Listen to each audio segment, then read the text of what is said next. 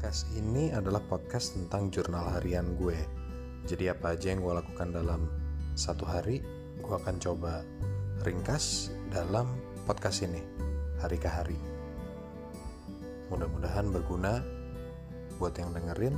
Kalau enggak, yaudah skip aja. Thank you.